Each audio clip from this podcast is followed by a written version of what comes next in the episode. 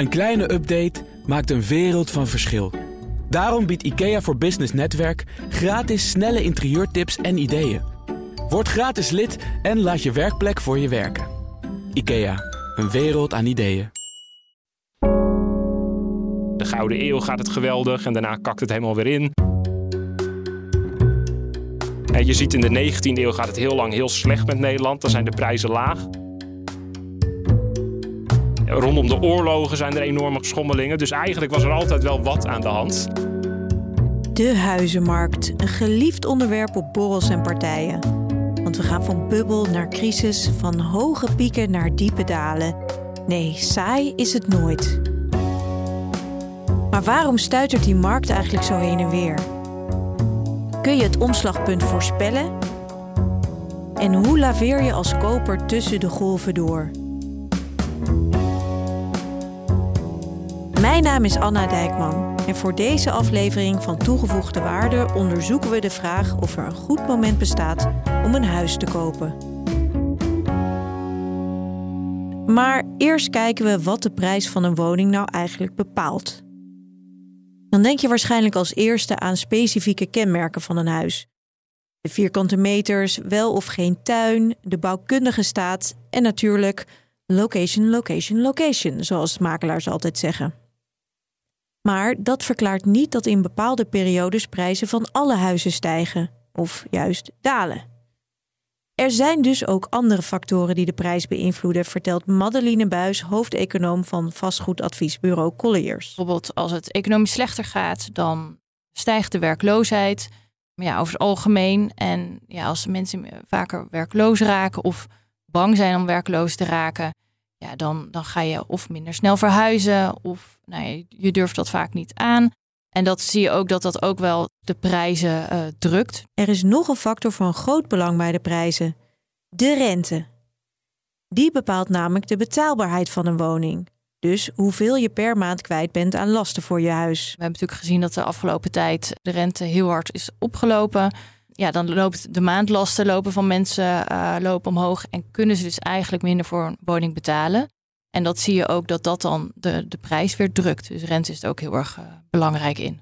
En omgekeerd hebben we natuurlijk ook gezien, hè? toen die rente heel laag werd, dat de prijzen ook opliepen. Ja, zeker. Want dat zag je ook heel duidelijk in natuurlijk de maandlasten uh, van mensen. En ja, hoeveel moet je eigenlijk per maand bijvoorbeeld ook van je, van je loon betalen uh, voor een woning. Ja, dat liep enorm hard terug. En daardoor konden mensen ook ja, meer bieden voor een woning. Dus je zag um, een paar jaar geleden, toen natuurlijk de huizenprijzen echt wel op de top waren, dat de betaalbaarheid eigenlijk nog best prima was, omdat die rente zo extreem laag was.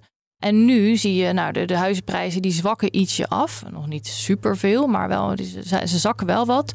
Uh, maar die rente is zo omhoog geschoten dat dus eigenlijk de betaalbaarheid slechter is dan een jaar geleden. Nu is ongeveer dat je 23% van je maandinkomen ben je kwijt aan je woning. Een jaar geleden was dat nog 15%. Terwijl toen de huizenprijzen hoger lagen dan nu.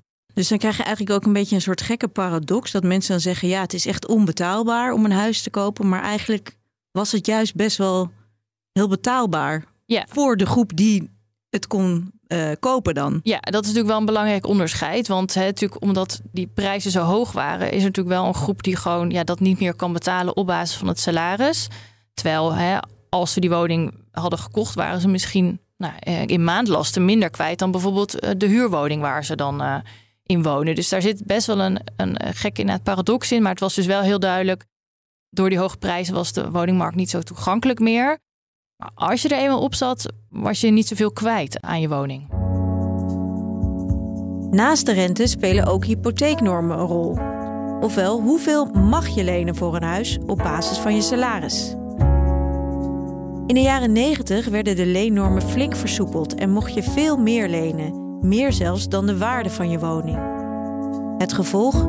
Supersnel stijgende prijzen. Tussen 1995 en 2008 gingen de prijzen met maar liefst 250% omhoog. In Nederland hebben we ook nog eens hypotheekrenteaftrek, wat het effect van de rente dempt, waardoor huizenkopers nog meer financiële ruimte krijgen. Dat maakt onze huizenmarkt ook kwetsbaar. De Nederlandse woningmarkt is best volatiel als je gewoon natuurlijk puur naar prijzen kijkt. Uh, dat heeft ook wel te maken met, uh, we hebben relatief veel koopwoningen in Nederland. En uh, we kunnen relatief veel financieren via een hypotheek. Dus we mogen nu tot 100% van je inkomen mag je financieren. Nou, bijvoorbeeld als je naar Duitsland kijkt, dat is iets van 80%. Dus dan moet je veel meer eigen geld meenemen. En daar wordt ook veel minder gekocht. En je ziet eigenlijk dat, uh, ja, dat de markt daar stabieler maakt. Weet je, daar zie je natuurlijk ook wel dat prijzen stijgen. Maar die stijgen veel langzamer dan in Nederland. En je ziet ook dat je niet zulke diepe dalen hebt. Omdat wij, weet je, we hebben een relatief grote hypotheekschuld. En dat maakt ook wel dat mensen, um, als het economisch minder gaat, nou ja, huiveriger worden op die woningmarkt. En dat die prijzen ook sneller uh, gaan dalen. En natuurlijk andersom, dat ook de prijzen harder stijgen als het economisch goed gaat. Dus uh, ja, de Nederlandse woningmarkt is wel relatief volatiel. Volgens mij heeft de Nederlandse bank al, die pleit al best wel lang voor om die maximale leenratio naar 90% uh, te brengen. Ja. Stel dat dat nou gebeurt, wat denk je dat dat voor invloed heeft op de prijzen in Nederland? Ja, de verwachting is wel dat dat ook de prijzen dempt. Um, omdat je, ja, je, je krijgt, je moet meer geld meenemen hè, om een woning te kunnen kopen.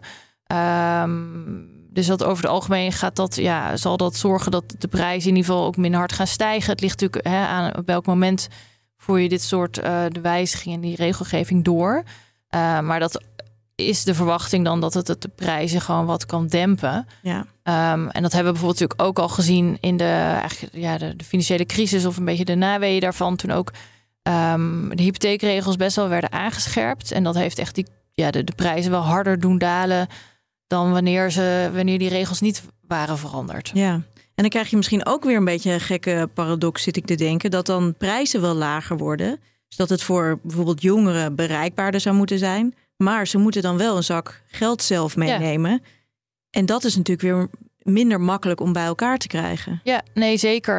Um, dat is natuurlijk ook wel het, het probleem. Het, het, is natuurlijk al wat teruggeschroefd, maar nou, wel eigenlijk in beperkte mate. Maar in het, je zal echt langer moeten sparen om uh, een woning te kunnen kopen. Ja. En in hoeverre speelt psychologie een rol op de woningmarkt?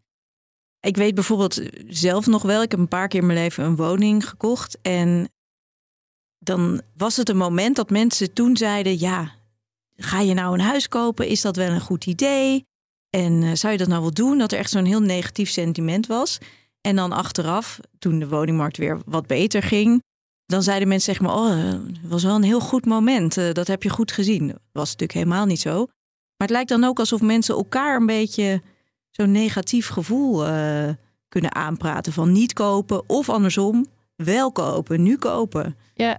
Ja, je hebt natuurlijk psychologie, dat speelt best wel een grote rol op de woningmarkt. Kijk, ik kan niet precies zeggen hè, van hoeveel, nou, wat voor deel van de prijsontwikkeling wordt daar nou door bepaald.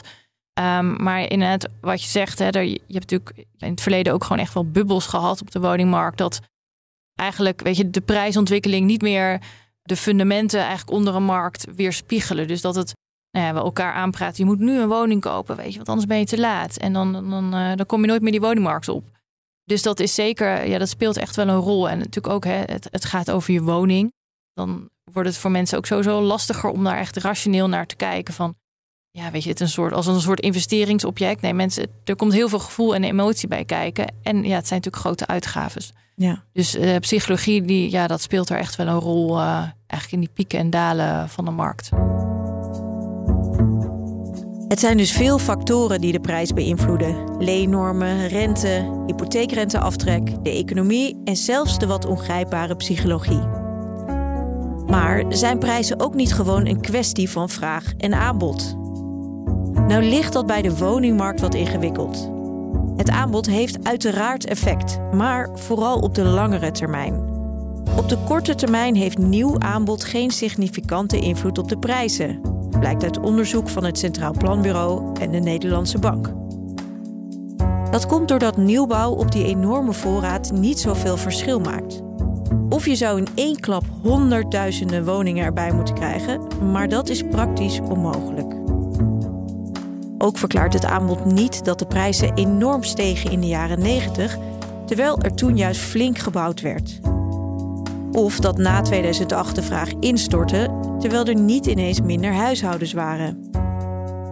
Het zijn dus allemaal factoren die op elkaar inwerken, maar vooral die financieringsruimte blijkt een heel belangrijke drijfveer te zijn van de Nederlandse huizenprijzen. Om de huizenmarkt nog beter te begrijpen, praat ik met econoom Matthijs Korevaar. Hij heeft veel onderzoek gedaan naar de geschiedenis van de woningmarkt. Ik vroeg Matthijs wat we kunnen leren van het verleden. Het idee dat een huis altijd meer waard wordt, ja, dat geldt misschien als je de inflatie er niet van aftrekt. Want er is altijd inflatie, dus eh, uiteindelijk wordt alles wel duurder. Maar in reële termen, zoals economen dan zeggen, dus als je corrigeert voor de inflatie, dan zie je eigenlijk altijd dat er enorme bewegingen zijn in die woningmarkt. In ieder geval in de geschiedenis van Amsterdam, die ik veel bestudeerd heb, maar ook in Nederland als geheel durf ik wel te zeggen dat het opgaat. Dat je gewoon periodes hebt dat het omhoog gaat, omlaag gaat. Dus dat je huis altijd meer waard wordt, dat is zeker niet het geval. Toch is de huizenmarkt ook voor beleggers op zoek naar rendement altijd interessant geweest, vooral als de rente laag is. En dat drijft de prijzen alleen maar verder op.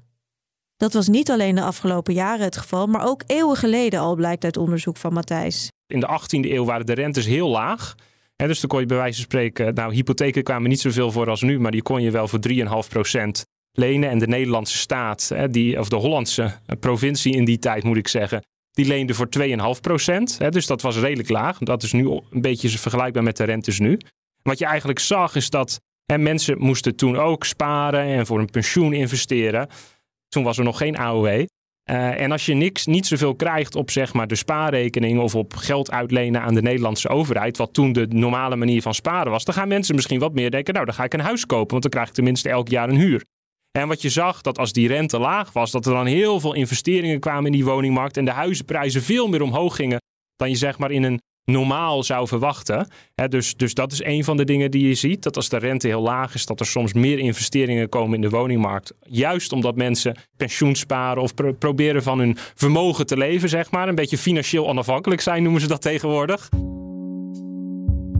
Die zoektocht naar financiële onafhankelijkheid en rendementen zorgde in de 18e eeuw voor de eerste vastgoedbubbel van Nederland.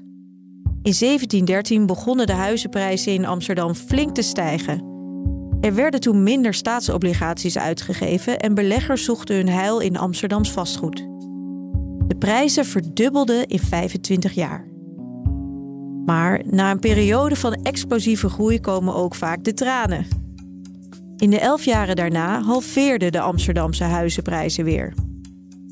Ik vroeg Matthijs wanneer je eigenlijk van een bubbel kunt spreken. Want dat is natuurlijk het moment dat je liever niet een huis wil kopen. Ja, het, is, het is altijd heel lang. Allereerst is zeg maar, wanneer is iets een bubbel? Kijk, over het algemeen zou je zeggen, nou, iets een bubbel is als de prijzen zo hoog zijn dat het eigenlijk niet meer hè, met een model of met een theorie is uit te leggen. Dat je zegt, nou, er is hier iets gebeurd en de huizenprijzen die hebben helemaal niks meer van doen met de inkomens of de rentestanden, wat dan ook. Het is één grote gekte geworden. Dat was in het 18e eeuwse Amsterdam ook het geval. De prijsstijgingen hadden niks te maken met structurele factoren als een groeiende bevolking. Beleggers verkochten hun panden ook heel snel weer door, met dikke winst, wat een teken van bubbelvorming is. Maar ook in de recentere geschiedenis zijn er bubbels geweest. Dus de kredietcrisis van 2010. Ik denk dat veel mensen, wat een bubbel is, is altijd een beetje een dubie, een moeilijke vraag. Maar dat, daar is wel, zijn wel redelijk veel mensen zeggen, nou dat was wel echt een, een gestoord, om het zo maar te zeggen. Wat zeker in die periode heel erg opkwam, is dat Nederland eigenlijk in nou, 10, 20 jaar ongeveer de grootste schuldenberg, hypotheekschuldenberg ter wereld ontwikkelde. Dus dat is eigenlijk een periode dat je eerst zag dat er heel veel gebouwd werd hè, via huurwoningen, veel woningcorporaties. Nou, op een gegeven moment werd dat toch wat afgebouwd en kwam er steeds meer. Hè, denk aan de Vinex-wijken, die toch vooral wijken waren met koopwoningen en ook wat duurdere koopwoningen. Dat het idee kwam, nou, het is belangrijk voor mensen, nog meer dan het al was. Het idee was, nou, als we mensen veel laten lenen, ze krijgen royaal hypotheekrenteaftrek. We bouwen wel ook woningen. Ik bedoel, dus ook veel gebouwd in die periode. Nou, dan gaan de prijzen misschien omhoog, maar hebben wel heel veel mensen een koophuis. En ik denk dat dat ongeveer is wat er gebeurde. Dus je had het eerste was gewoon macro-economisch ging de rente omlaag. Dat leidt tot hogere prijzen. Daar komt nog eens bij dat je dan ook nog eens van de bank heel veel mag lenen. En dat was gewoon in Nederland. In Nederland is het eigenlijk ontstaan, want mensen moeten ook best veel voor een pensioen opzij zetten. Dus mensen kunnen niet zo heel veel sparen, zoals in andere landen waar je minder voor je pensioen moet sparen. Dus was het idee, ja, als we mensen huizen willen laten kopen als ze 25 zijn, want dat het 25, 30 zijn, dat was toch bijna een beetje de norm. Ja, dan moeten we ze maar toestaan dat ze alles zo'n beetje mogen lenen. Nou, en dat kwam in die periode, nam dat een enorme vlucht. Ja, en als je oneindig veel mag lenen, de rente gaat omlaag. Ja, uiteindelijk gaat dat tot zulke hoge prijzen leiden dat het niet duurzaam meer kan zijn. En dat zagen we in 2010, 2013. Toen stortte de markt enorm in. En toen hadden we een enorme crisis. Dus dat, dat is denk ik in een beetje in het recente verleden hetgeen wat het dichtst bij een, een bubbel is gekomen in de Nederlandse woningmarkt. Het is vaak heel moeilijk om dat van tevoren te zien. En er is altijd ontzettend veel gekibbel over. Dat, uh, is het een bubbel? Is het geen bubbel? Moet ik nu wel of geen huis kopen? Want dat is dan vaak de vervolgvraag. Want niemand wil een huis kopen als je midden in een bubbel zit. Nee. Dus dat is heel lastig. En zelfs achteraf is er nog steeds heel veel gekibbel. Want hè, dan kun je zeggen: nee, dit was echt massapsychologie. En de ander zegt: ja, maar de rente was ook gewoon heel laag. En, en om die verhalen dan uit elkaar te trekken, ja, dat is eigenlijk bijna niet mogelijk. Soms hebben zelfs de meest geavanceerde economen niet door wat er aan de hand is. Bijvoorbeeld in een prachtig onderzoek in Amerika. Dat ging in die hypotheekbubbel van 2008, toen er ontzettend veel geleend was. De bankiers die die hypotheekproducten verstrekten, zelfs die hadden niet door dat het eigenlijk, nou ja, eigenlijk wel een bubbel was. Dat de prijzen zo hoog waren. Want die waren zelf nog gewoon vrolijk huis aan het kopen. Terwijl ze zelf hypotheekproducten verstrekten. Waar heel snel de meeste mensen niet eens meer hun rentebetaling deden. Dus je kon al wel je kon al wel zien dat dat niet houdbaar ging zijn, maar zelfs die bankiers wisten niet wat hun te wachten stond en dat die bubbel ineens ging klappen. Gebeurt dat ook eigenlijk altijd? Na een periode van hoge stijgingen barst die bubbel dan en volgt er dan een crisis? Of kan dat ook wat geleidelijker zakken weer? Het kan op allerlei manieren gaan. Dus je ziet soms gaat het geleidelijk, soms gaat het heel snel. En soms is het gewoon dat de prijzen hoog zijn, dat die heel lang hoog blijven en dat er dan toch ineens iets gebeurt dat ze instorten dus daar kun je eigenlijk geen pijl op trekken. Het enige wat je wel ziet, en dat is ook wel onderzocht, is dat een van de dingen bijvoorbeeld kan zeggen: stel nu, de rente is nu heel laag. Of er is echt enorme inkomensgroei geweest. Veel meer dan we daarvoor gezien hebben. Ja, dan zou je verwachten, dan zullen de prijzen best hoog zijn. Want het is, je kunt makkelijk een hypotheek krijgen. Het is goedkoop om te lenen. Uh, je hebt veel inkomensgroei. als ten opzichte van de inkomens en ten opzichte van de rentestanden de huizenprijzen heel hoog zijn, en dat zag je rond 2010. En nu zagen we eigenlijk rondom corona dat ook wel weer een beetje gebeuren. Dan kun je wel zeggen dat gemiddeld gezien op langere termijn dat wel weer een keer gaat corrigeren. Dus dat de huizenprijzen wat sneller gaan zakken dan dat de, uh, dan dat de lonen gaan dalen, om, om maar een voorbeeld te noemen. En maar wanneer dat gebeurt, of dat over een maand is, over drie jaar, over vijf jaar of over tien jaar, dat blijkt heel lastig te voorspellen. Het lijkt ook in de Nederlandse woningmarkt wel een beetje dat het hollen of stilstaan is. Ja. Maar zijn er nou ook periodes geweest dat hij eigenlijk best wel stabiel was? Dat hij gewoon met misschien een paar procent prijsverhoging of misschien een klein beetje uh, schommelde, maar niet zo als we nu zien? Een periode die op zich wel interessant is in Nederland, waar je eigenlijk een paar decennia van redelijk stabiele prijzen zag. In ieder geval in Amsterdam, daar heb ik heel veel data voor verzameld. En dan zie je eigenlijk dat eind 19e eeuw de prijzen heel stabiel zijn. En dat is eigenlijk heel interessant, want dat was een periode dat Amsterdam enorm groeide. Dus je zag aan het begin kwamen er allemaal nieuwe mensen naar Amsterdam en dat gold voor heel veel steden in Nederland. Waardoor die prijzen hard stegen. Toen werden er toch allemaal plannen gemaakt om flink uit te breiden. De Pijp is een heel bekende wijk in Amsterdam die in die periode gebouwd is. En toen er eenmaal dat op gang was, ondanks dat de bevolking van Amsterdam heel hard groeide, waren de prijzen eigenlijk stabiel. Nou, dat was niet alleen een verhaal van bouw. De rente, die bewoog ook nauwelijks. Hè? Dus dat helpt ook mee, want iemand die een hypotheek wil hebben of een bouwer die geld nodig heeft om een woning te bouwen, ja, dat is een stuk makkelijker als je gewoon weet hoe, hoeveel het kost om geld te lenen. En dus dat was eigenlijk een periode waarin je in Nederland een paar decennia van vrij stabiele prijzen zag. Is dat dan ook misschien het recept voor de stabiele woningmarkt? Een stabiele rente en genoeg bouw, genoeg aanbod? Ja, kijk, ik denk dat er twee belangrijke dingen zitten. Eén is inderdaad dat ja, aanbod speelt gewoon een rol. Het is misschien niet de factor die op korte termijn er het meeste doet. Maar als op lange termijn heel veel mensen ergens willen wonen en er worden geen woningen gebouwd, ja, dan wordt het heel duur. Hè, daar hoef je, dat is geen hogere wiskunde. Die rente is wat lastiger, want je hebt natuurlijk dat de rente op korte termijn wordt die heel erg bepaald ook door de centrale banken. Nou, die proberen nu ook de inflatie te beteugelen. dus ja, de hypotheekrente gaat omhoog. En, en dat is deels wat ze natuurlijk ook willen bereiken. Want als huizen kopen heel duur wordt, gaan mensen misschien minder huizen kopen. Dan valt de bouw wat stil. Ja, dat drukt de economie allemaal een beetje omlaag. En dan komt die inflatie misschien ook tot stilstand. En op langere termijn is het wat moeilijker die rente te beïnvloeden. Toen kon dat omdat gewoon de economie redelijk stabiel was. Er was ook niet zoveel inflatie. Nou, dat is nu een probleem. Dat was in de 20e eeuw ook een heel groot probleem. Dus voor de woningmarktstabiliteit is het heel fijn om een vlakke, stabiele rente te hebben. Maar ja, die rente, dat is niet alleen de woningmarkt. Er zijn talloze dingen aan de hand in de economie. Dus soms moet je het doen met wat je hebt. En als de rente omhoog en omlaag gaat, ja, dan is dat voor de woningmarkt helaas een gegeven. En als je terugkijkt, kun je dan, zijn er dan periodes waarvan je kunt zeggen, nou dat was wel een goed moment om een huis te kopen? Ja, ik denk dat altijd het beste moment om een huis te kopen is als niemand anders een huis kan kopen. want wanneer zijn de prijzen laag? Als niemand een cent op de bank heeft. Als jij in 1985 of zo in Amsterdam een huis had gekocht, ja, dan ben je nu miljonair. Mensen die in 2013 een huis konden kopen, ja, die hebben nu huizen die uh, al snel twee keer zoveel waard zijn. Dus vaak is in een grote crisis, waarom zijn de prijzen laag? Ja, niemand heeft het geld om te kopen. Ja. dus als jij dat dan wel hebt, ja, dan heb je achteraf een heel goede deal gemaakt. Ik vroeg ook aan Madeline Buis van Colliers of ze een moment kan aanwijzen dat het goed was om te kopen. Kijk, als ik dan puur kijk bijvoorbeeld naar betaalbaarheid, dan ja, zijn eigenlijk de afgelopen jaren, hè, achteraf bezien, best een goed moment geweest om een huis te kopen.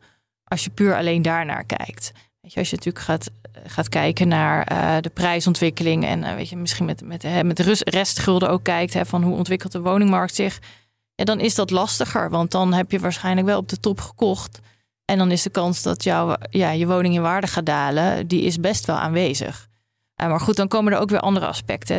Voor hoe lang heb je die woning gekocht? Kijk, als jij nog twintig jaar daarin blijft wonen, dan maakt een beetje prijsdaling nu niet zo heel veel uit.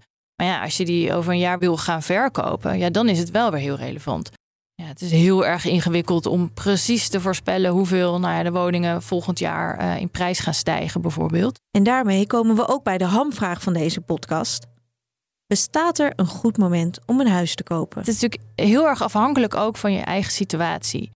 Stel, je bent een doorstromer, weet je, dan, dan zijn er heel andere aspecten die je misschien relevant vindt. Of weet je, voor, hè, dan wil je misschien een woning voor 20 jaar gaan kopen. Terwijl je als starter denkt, nou ja, Weet je, ik koop nu een bepaalde woning voor een paar jaar en dan ga ik, wil ik weer een andere woning.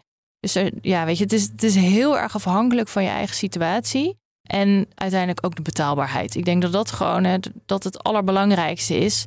Kan je het betalen? En ja, weet je, voor hoe lang wil je een woning kopen? Ik denk dat het daar heel belangrijk is om ook gewoon ja, heel rationeel, maar goed, dat is misschien heel makkelijk gezegd nu heel rationeel naar te kijken van, ja, weet je, wat ben ik daar ook per maand aan kwijt? Zodat je ook jezelf niet in de problemen komt omdat je dus een, toch maar per se die woning wilde kopen. Ik denk uiteindelijk, weet je, daar is het gewoon belangrijk. Wat is de betaalbaarheid voor jezelf? Ook Matthijs Korenvaar denkt dat je vooral moet kijken of het voor jou een goed moment is om te kopen. Dat is ook iets wat uiteindelijk de data gewoon ondersteunt. Ik heb zelf onderzoek gedaan naar wat verdien je nu op een woning. Nou, op lange termijn is echt maar een heel klein beetje het feit dat je woning meer waard wordt. Want waarom is het goed om een eigen huis te hebben? Omdat je erin mag wonen. En dat jij geen huur hoeft te betalen. En als je dat 50 jaar lang doet, is dat bij elkaar zoveel meer dan die 1, 2 ton die je in 2013 misschien hebt laten liggen. dus uiteindelijk is het kopen van een huis. Het belangrijkste is dat je, ik wil voor lange termijn een plek om te wonen. Ik ben nu in mijn leven toe aan een koophuis en dan zou ik op de koopmarkt gaan kijken. En daar zullen we het mee moeten doen. Er spelen zoveel factoren op de Nederlandse woningmarkt die ook nog eens effect hebben op elkaar en de markt behoorlijk grillig kunnen maken. Wat een bubbel precies is, is zelfs achteraf niet altijd makkelijk te zeggen. Dus als je een huis kunt kopen, kijk dan vooral of de maandlasten acceptabel zijn. En bedenk dat kopen voor de langere termijn altijd minder risico met zich meebrengt dan de korte termijn. En die markt voorspellen? Laat dat maar aan de gokkers over.